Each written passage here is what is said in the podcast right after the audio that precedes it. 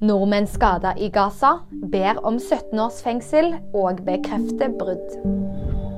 Norske borgere skal være skada i Gaza.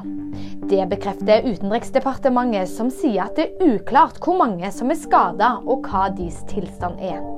UD sier òg at de er svært bekymra for situasjonen for både norske borgere og alle andre som nå befinner seg på dette området.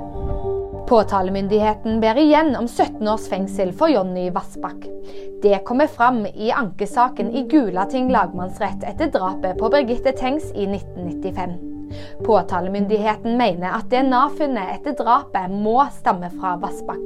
53-åringen har hele tiden nekta for å ha noe med drapet å gjøre. Lea Isadora Behn bekrefter brudd. Det forteller hun i en podkast mandag. Det var i november i fjor at det ble offentlig at Ben var i et forhold. VG-nyheter fikk du av meg, Julie Ravnås.